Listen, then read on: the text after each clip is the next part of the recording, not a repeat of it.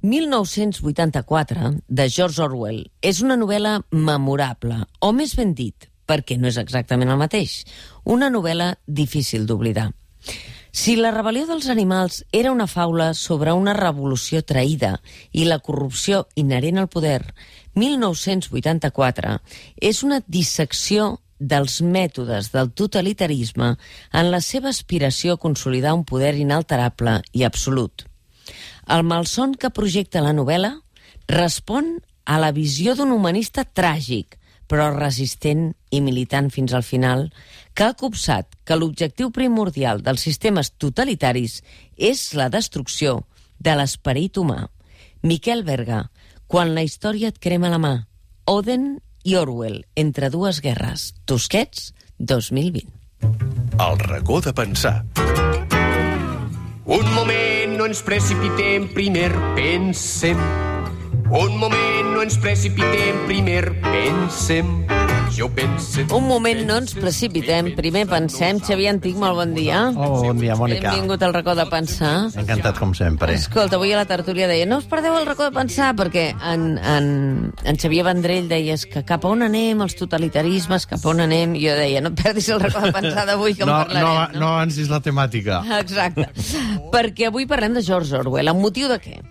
Bueno, avui se'ns assumen molts arguments, diguem per parlar d'Orwell. Un, que el CCCB eh, torna a fer, i és el setè any, jo crec que és digne d'elogis, el que anomenen el Dia Orwell, no? que és una mica la commemoració d'un escriptor nascut pràcticament fa 120 anys, que té una inquietant actualitat, no? Sí, sí. segurament molt més que tots els escriptors britànics de la seva generació. No? És com Exacte, Jules Verne, no? d'aquells que anticipaven. N'hi ha d'altres que han quedat vells, sí. i al contrari Orwell, que des del ah, començament és ah, un clàssic, podríem dir-ne, a cada dia que passa mm, prenem consciència de que encara està més viu que mai, podríem mm. dir-ne, no?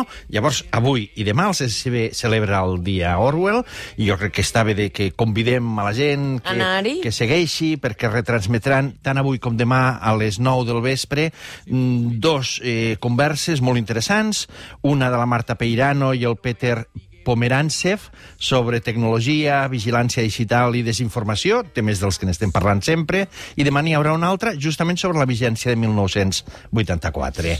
Però per parlar eh, d'això, evidentment que, que heu d'entrar al CCB i eh, assistir en aquestes converses, la, de, la que ara esmentaves era aquesta de Dorian Lindsay i en Jordi Puntí, la vigència del 84, però la vigència del 84, qui fa un munt d'anys que la veu, diguéssim, és en Miquel Berga. No? En Miquel Berga és el nostre orwellià... És el nostre Orwell. Eh, favorit, diguem-ne, no? Perquè a més és, jo crec que no descobrim res de nou, és un dels grans especialistes internacionals amb Orwell i una persona que porta, jo diria que 40 anys escrivint coses sobre Orwell, ens ha cridat l'atenció, ens l'ha descobert, en èpoques memorables del suplement de cultura de la Vanguardia va deixar algunes peces, 4 o 5, resseguint els escenaris d'Orwell a Barcelona, i parlant de moltes coses que encara que sigui fa 20 anys que ho escrivia, o en algun cas quasi bé 40, mm, continuen sent com si fossin calentes notícies d'aquest matí. I per això en Xavier Antí, quan va proposar parlar d'Orwell, va dir a ser el Miquel. Uh, Miquel Berga, molt bon dia. Què tal? Bon dia. Com estàs? Bé, lluny d'on sou vosaltres, però... Sí, ara, però amb un so magnífic, perquè sí. estàs als estudis ah, sí? de Girona. Se sent bé? Sí, sí, perfecte. sí, però és que ara es valora molt veure la gent cara a cara és veritat, i, i estic aquí sol com un mussol, però en fi, bon dia. Molt bon dia. Bon dia no estàs Miquel. sol perquè t'està escoltant un munt de gent, Miquel. Per Què tant. dius ara? Oh, tant. Escolta'm, uh, el primer llibre en què tu uh, ja vas parlar d'Orwell és el, de, el del 1981, no? No, dir que havia nascut jo ja, el 1981. No? Sí. 40 anys, eh, fa que parles d'Orwell, no? Sí, carai. Sí, sembla que això ha durat més que molts, molts matrimonis de, dels d'avui dia, no? Doncs... Sí, sí, sí, sí, sí. Duren bastant menys, diguéssim, sí. en general. Sí. en general. Sí, hem de recordar, Mònica, com que va escriure llibres, un... Com els llibres. Clar, va escriure un que es titulava Llegir Orwell avui, sí o un altre que es diu 1984, radiografia d'un malson, i que el primer de tots que se'n va començar a ocupar de aquests, mm, diguem-ne, solidaris fraternals que van venir a lluitar durant la Guerra Civil Espanyola i es va dedicar a recollir-ne textos i explicar la vida d'alguns d'aquests en el seu llibre Entre la Paloma i el Fusell. I ara acaba de sortir un, editat aquest, a Tosquets, aquest, que és el que, que tu... creua Oden i Orwell, no? Exacte, emparellats tots dos com una mena de vides paral·leles. I per què aquestes vides paral·leles, Miquel? Mm, bé, jo he volgut fer una mena de, de com ho diríem això, una mena de tall sincrònic en les vides d'aquests dos escriptors, Oden, el poeta Oden, que la gent el coneix eh, molt per allò de atureu tots els rellotges, eh? stop all the clocks, eh? Mm. talleu els telèfons, etc. Mm, dos escriptors que, i Orwell, que són, al meu entendre, dos escriptors centrals al segle XX, i veure'ls al, al, al, al vell mig del segle, diguéssim, i en el moment més angoixant, clarament més angoixant que el que estem vivint nosaltres ara, que és l'any 1939, que és l'any que transcorre, diguéssim, entre la victòria franquista a la Guerra Civil i l'esclat d'una catàstrofe anunciada, que va ser la Segona Guerra Mundial. Sí. És, és un any que un altre escriptor de la seva generació va descriure amb una metàfora que m'agrada molt, perquè és la metàfora d'un eclipsi, va dir foscor al migdia, no? al mig uh mhm. -huh. del segle. No?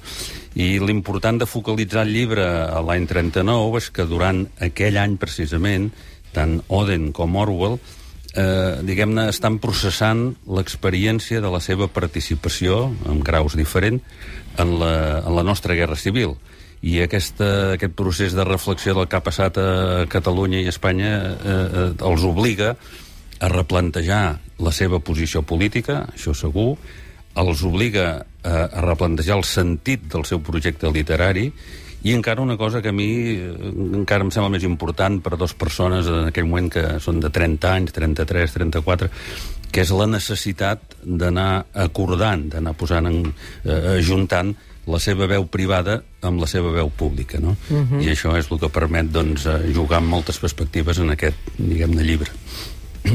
Sí, el llibre del Miquel Berga arranca amb una fotografia, que ara te l'estava ensenyant Mònica, que jo crec que ens ubica exactament en el que està dient. Això. És una fotografia del 30 de desembre del 1940 de la catedral de Sant Pau, de Londres, envoltada de fums, just quan s'estan produint els bombardejos de l'aviació alemanya del Tercer Reich sobre Londres, en un moment en el qual el Tercer Reich, n'hem parlat moltes vegades, s'està escampant des de França fins al front rus, sí. i que pràcticament està a punt de fer caure Londres, podríem dir-ne, i que jo crec que només amb aquesta primera fotografia que obre el llibre ens recorda una cosa que aquí diem molt sovint, que això del feixisme no és cap broma. Ah. També recorda, perdoneu, la foto recorda que aquesta cosa també s'ha popularitzat molt ara perquè és l'inici d'aquesta expressió anglesa de keep calm and carry on, no? Sí. que era, era l'eslògan del mm. moment.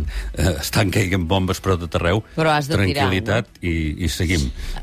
Escolta, i en qualsevol cas, Orwell, eh, evidentment havent viscut el nazisme, l'estalinisme soviètic, per tant, amb tota aquesta experiència, en 1984, i, i, i ara ho comentàvem, no? al final dibuixa els mecanismes que ara, malauradament, el 2020, no?, estem començant a veure eh, que per la seva invisibilitat potser són més potents encara que els que eh, estan liderats per, per fanàtics feixistes, no? Sí, bé, hi ha una cosa molt curiosa, ho ha, insinu ho ha insinuat en Xavier Antic a la presentació, no?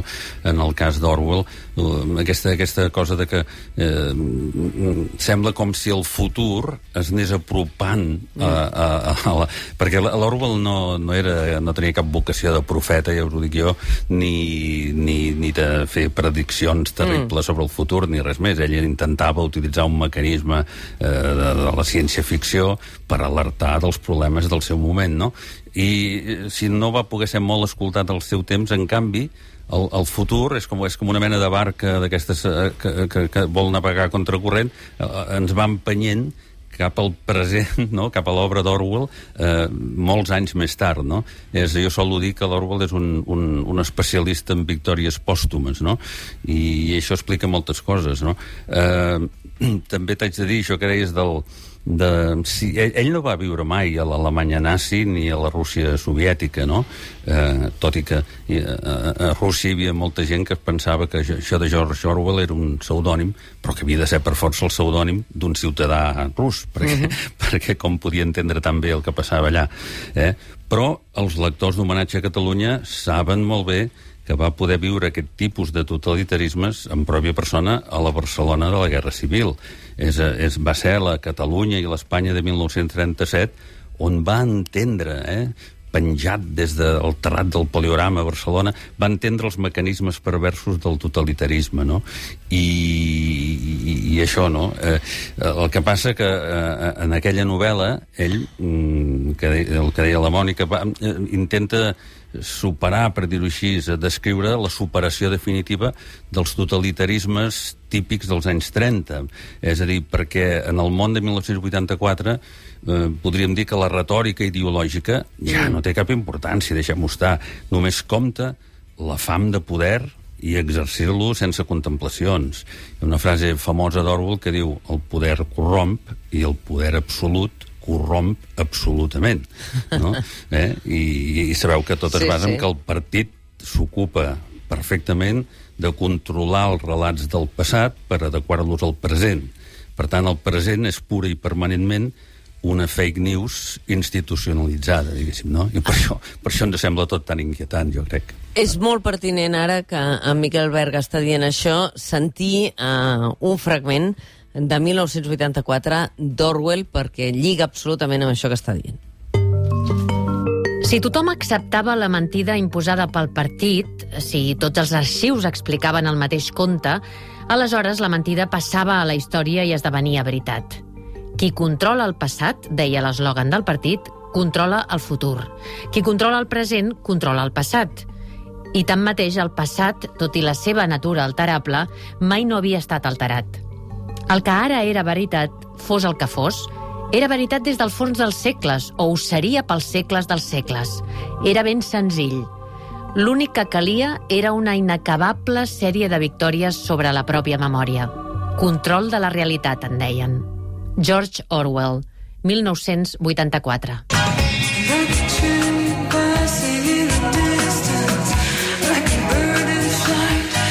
Si tothom acceptava la mentida imposada pel partit i ara estem aquí, eh, Miquel, estem en una realitat de mentides repetides fins que, fins que al final colen.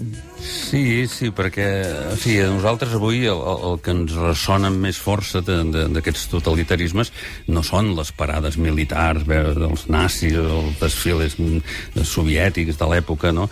El, el, el que ens resulta, jo m'imagino, més inquietant i proper és aquesta gradual desaparició de, de la llibertat individual eh, en nom, diguem, d'una seguretat col·lectiva. Mm. I, I la gran novetat és que, no us dic res de nou, no? és que l'ús universal de, de les noves tecnologies ens ha fet còmplices, còmplices de, actius d'aquest control. Eh? És dir, ja no cal el no, no, i, i caminem voluntàriament. És I això, caminem... No? A més, amb discurs de progressia, diguéssim, sí, des del discurs de la progressia, perquè l'altre dia el periodista Jesús Rodríguez a la directa explicava en un article que les càmeres de reconeixement facial havien arribat a Barcelona, que l'Ajuntament instal·laria al centre de la ciutat 13 càmeres d'intel·ligència artificial integrades en un sistema d'emmagatzematge i anàlisi de dades amb la intenció de millorar la seguretat a la ciutat.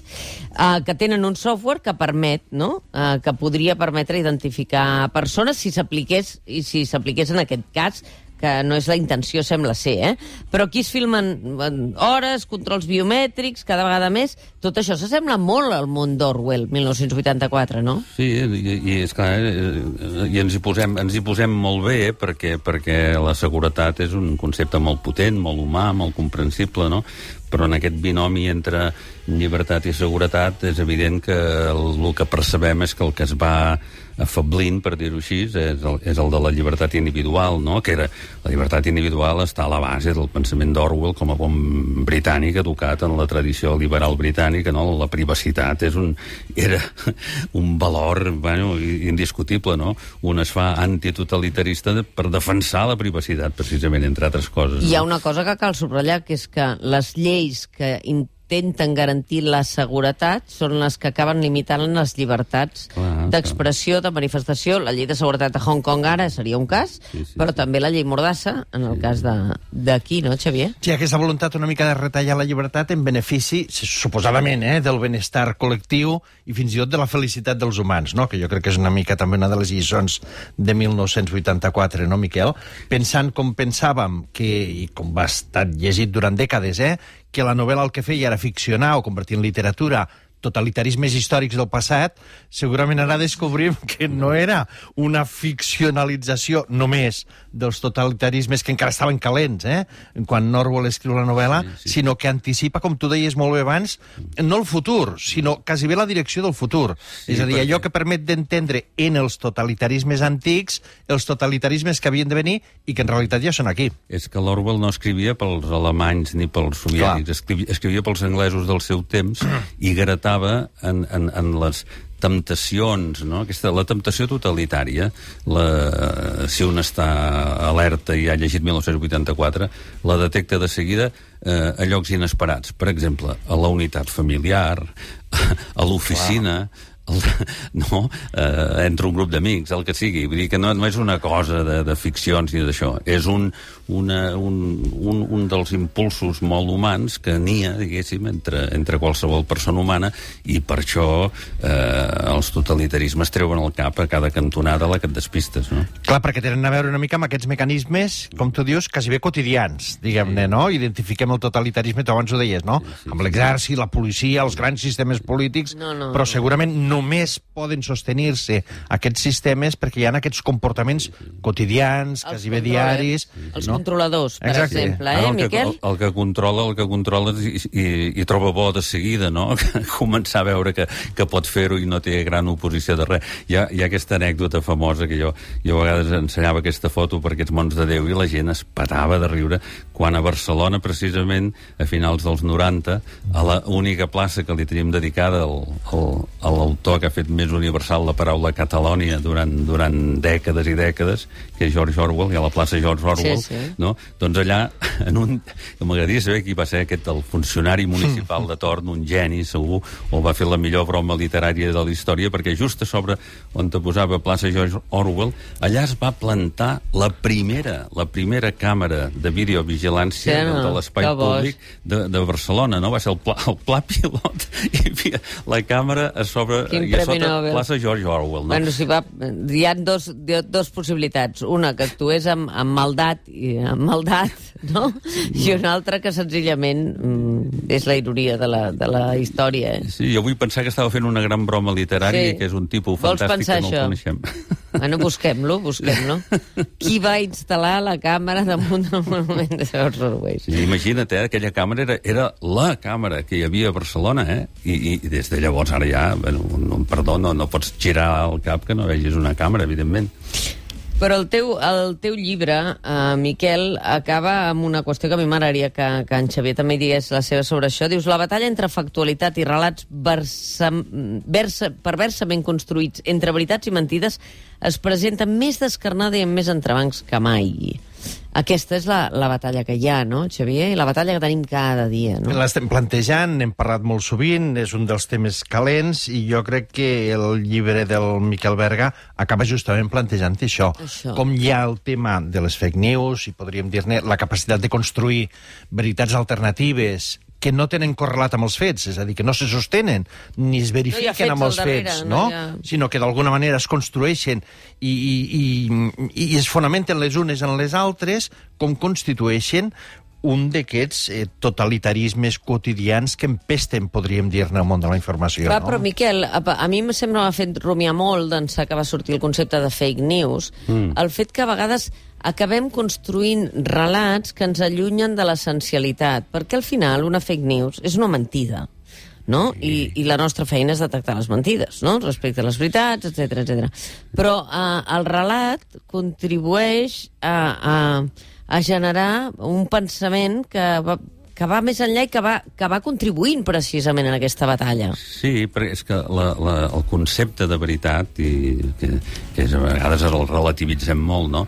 Uh, Orwell solia dir allò, establir la veritat fins on sigui possible. És a dir, no és, no és que fos tonto, no és que pensés que hi ha veritats absolutes, però, home, l'exercici d'un estadat intel·lectual d'intentar establir la veritat dels fets, no des de la ideologia decidir quins són els fets, sinó de veure els fets i després aplicar-hi la teva ideologia. En canvi, el que estem veient, des del meu punt de vista, cada dia per tots cantons, és que primer hi ha la ideologia, que és el que decideix el que ha passat. I no, eh, no hi ha un consens entre el que ha passat i després, en tot cas, s'analitza en funció de la ideologia de cadascú. No? Doncs, en, en aquest meu llibre, l'últim capítol està precisament dedicat al concepte de veritat en George Orwell, perquè jo crec que és el seu, el seu llegat, eh, diguem-ne, essencial. És evident que si ell avui fos viu, allò que es diu, eh, seria un gran lluitador contra, contra les fake news. Eh? Treballaria el programa aquest de la, de la Mònica Terribas fent cada dia un, un reportatge Home. dalt. Ara et diré una cosa, l'Orwell, siguent l'Orwell, seria implacable amb les fake news dels altres i, de i les sobretot pròpies. implacable amb les fake news dels seus. Sí, sí, Eh, i les segur. pròpies que, que, que sempre n'hi ha. Escolta, Miquel i Mònica, sense que serveixi de precedent, perquè aquí som fans eh, quasi bé incondicionals de la Hannah Arendt, eh, el Miquel es, menta, es mena, podríem Sí? dir-ne, ni va. més ni menys, A que la Hannah plana la Arendt. Hannah Molt bé, Arendt. molt I bé. jo crec que en un aspecte en el qual realment, com dic, sense que serveixi de precedent, donarem la raó a Miquel Berga No, en no, contra que de Hannah Arendt, perquè cita Atenció. al final a Hannah Arendt, quan Hannah Arendt escrivia que en circumstàncies normals el mentider queda desmuntat per la realitat. No importa la densitat de la fabricació que ha pogut fer un mentider, mai no serà prou per tapar la immensitat de la factualitat dels fets. És a dir, aquesta confiança, una mica, mm, podríem dir-ne i genuïna, ingènua, sí. no?, de Hannah Arendt, amb Molt la qual ingènua. el Miquel contraposa justament Orwell. Mm, Potser sí, al final, els fets acaben imposant-se, però mentre no s'imposen, les, les falsetats fan la seva feina, no, Clar, Miquel? Miquel, és, perquè... és, és, molt, és molt simptomàtic no, del moment que, que fins i tot aquest pensament, eh, diguéssim, eh, sofisticat i, i no pas simple de la Hannah Arendt eh, ens sembli gairebé un excés d'optimisme o d'ingenuïtat, no? És, és, és, és absolutament sintomàtic, no?, que, que puguem pensar que... És a dir, que puguem dubtar d'una cosa que semblaria evident, no?, que ella deia això, la, la factualitat, diu la Hannah Arendt, no? La factualitat, els fets, s'acaben imposant d'una manera natural. I ara No. Hi ha dies que dius, vols No, dir, no. vols dir, vols dir? No, perquè eh, tot el relat de la mentida eh, en, en ocupació d'espai, normalment perquè la mentida és espectacular, acaba ocupant un espai que després la factualitat cor que corregeix aquesta mentida ocupa molt menys espai i, per tant, moltes menys possibilitats de, Sí, sí, sí. de, de, de fer la feina, diguéssim. És que eh? la veritat és molt sosa, fer la- en el Exacte, fons, Mònica, exacte. no? Moltes vegades és millor la teoria gran teoria conspiratòria que la Ah, realitat. que no pas Per l'altra, no? I per això segurament també té tanta importància el tema de la llibertat que reivindicava el Miquel abans i que és una de les grans tesis d'Orwell, com ell ens recorda, que és que eh, tota l'obra d'Orwell està marcada per aquesta obsessió de la llibertat, jo m'atreviria a dir, Miquel, afegint-hi, de la llibertat responsable, no? De la llibertat impugnadora, de la que qüestiona, no de la llibertat entotsolada, no? egoista, només per fer el que vull, no? Sinó de la llibertat que té deures de responsabilitat. Sí, no? no? l'Orwell això ho diu amb una d'aquestes seves frases que sempre queden molt, que, que vol, ve dir, eh, si la llibertat vol dir alguna cosa, vol dir dir coses que l'altre no vol sentir. Eh? I aquest matrimoni teu amb George Orwell està en plena forma, no veig, doncs? No, va, va durant, perquè, escolta, vi, conviure amb els morts és, és una cosa fantàstica, no hi ha cap sí. problema. No hi ha cap possibilitat de conflicte. Te'ls vas adequant a la situació. Hi ha estones que els mires més la joventut, hi ha estones Sí. que mires més la maduresa, no? És, té, té més, el mèrit és de- és d'ell, eh? no pas meu. el que passa que amb Orwell, deixeu-me deixeu almenys deixar dit una cosa, perquè eh, jo crec que és un, un home que, eh, eh, voldria dir, el seu coratge físic, diguéssim, el té acreditadíssim, no? Va venir, no fer de periodista, no com No, no, tant a fer discursos a la Guerra Civil, al front d'Aragó, i em va sortir amb una bala feixista que li va travessar el coll i que va, va sobreviure per pura, per pura casualitat, no? Eh, però la gràcia del personatge és que eh, després del coratge físic el que descobrim és un home amb coratge moral, no? Allò que abans se'n deia que practica una cosa que quasi bé el concepte ja quasi ni existeix, que es diu honestedat intel·lectual. No? I en aquest sentit a mi m'agrada molt recordar sovint el que va escriure George Steiner eh, sobre l'autor d'Homenatge a Catalunya. L'Steiner va dir que el conjunt de l'obra d'Orwell s'ha de veure com un espai, un espai per a la renovació de la nostra imaginació moral i això crec que està molt ben dit i, i ho subscric plenament. I per això val la pena rellegir-lo. Jo crec que no podem acabar millor a no ser que la, la música que hagis triat eh, en aquest minut, Xavier Antí, que ens acompanyi. Cap... Jo crec que sí. Ja l'ha tancat el Miquel, no? Tancat, I ara afegim ja que ha recordat que no hi ha en la biografia d'Orwell una experiència més determinant que la seva participació a front de la batalla de la Guerra Civil Espanyola, ens semblava que havien de marxar sí o sí amb la versió que Fermín Muguruza, eh, cantant en euskera la solidaritat és la tendresa entre els pobles, de Brigadistac. Gràcies, Miquel Berga. Una abraçada. A vosaltres, adéu-siau.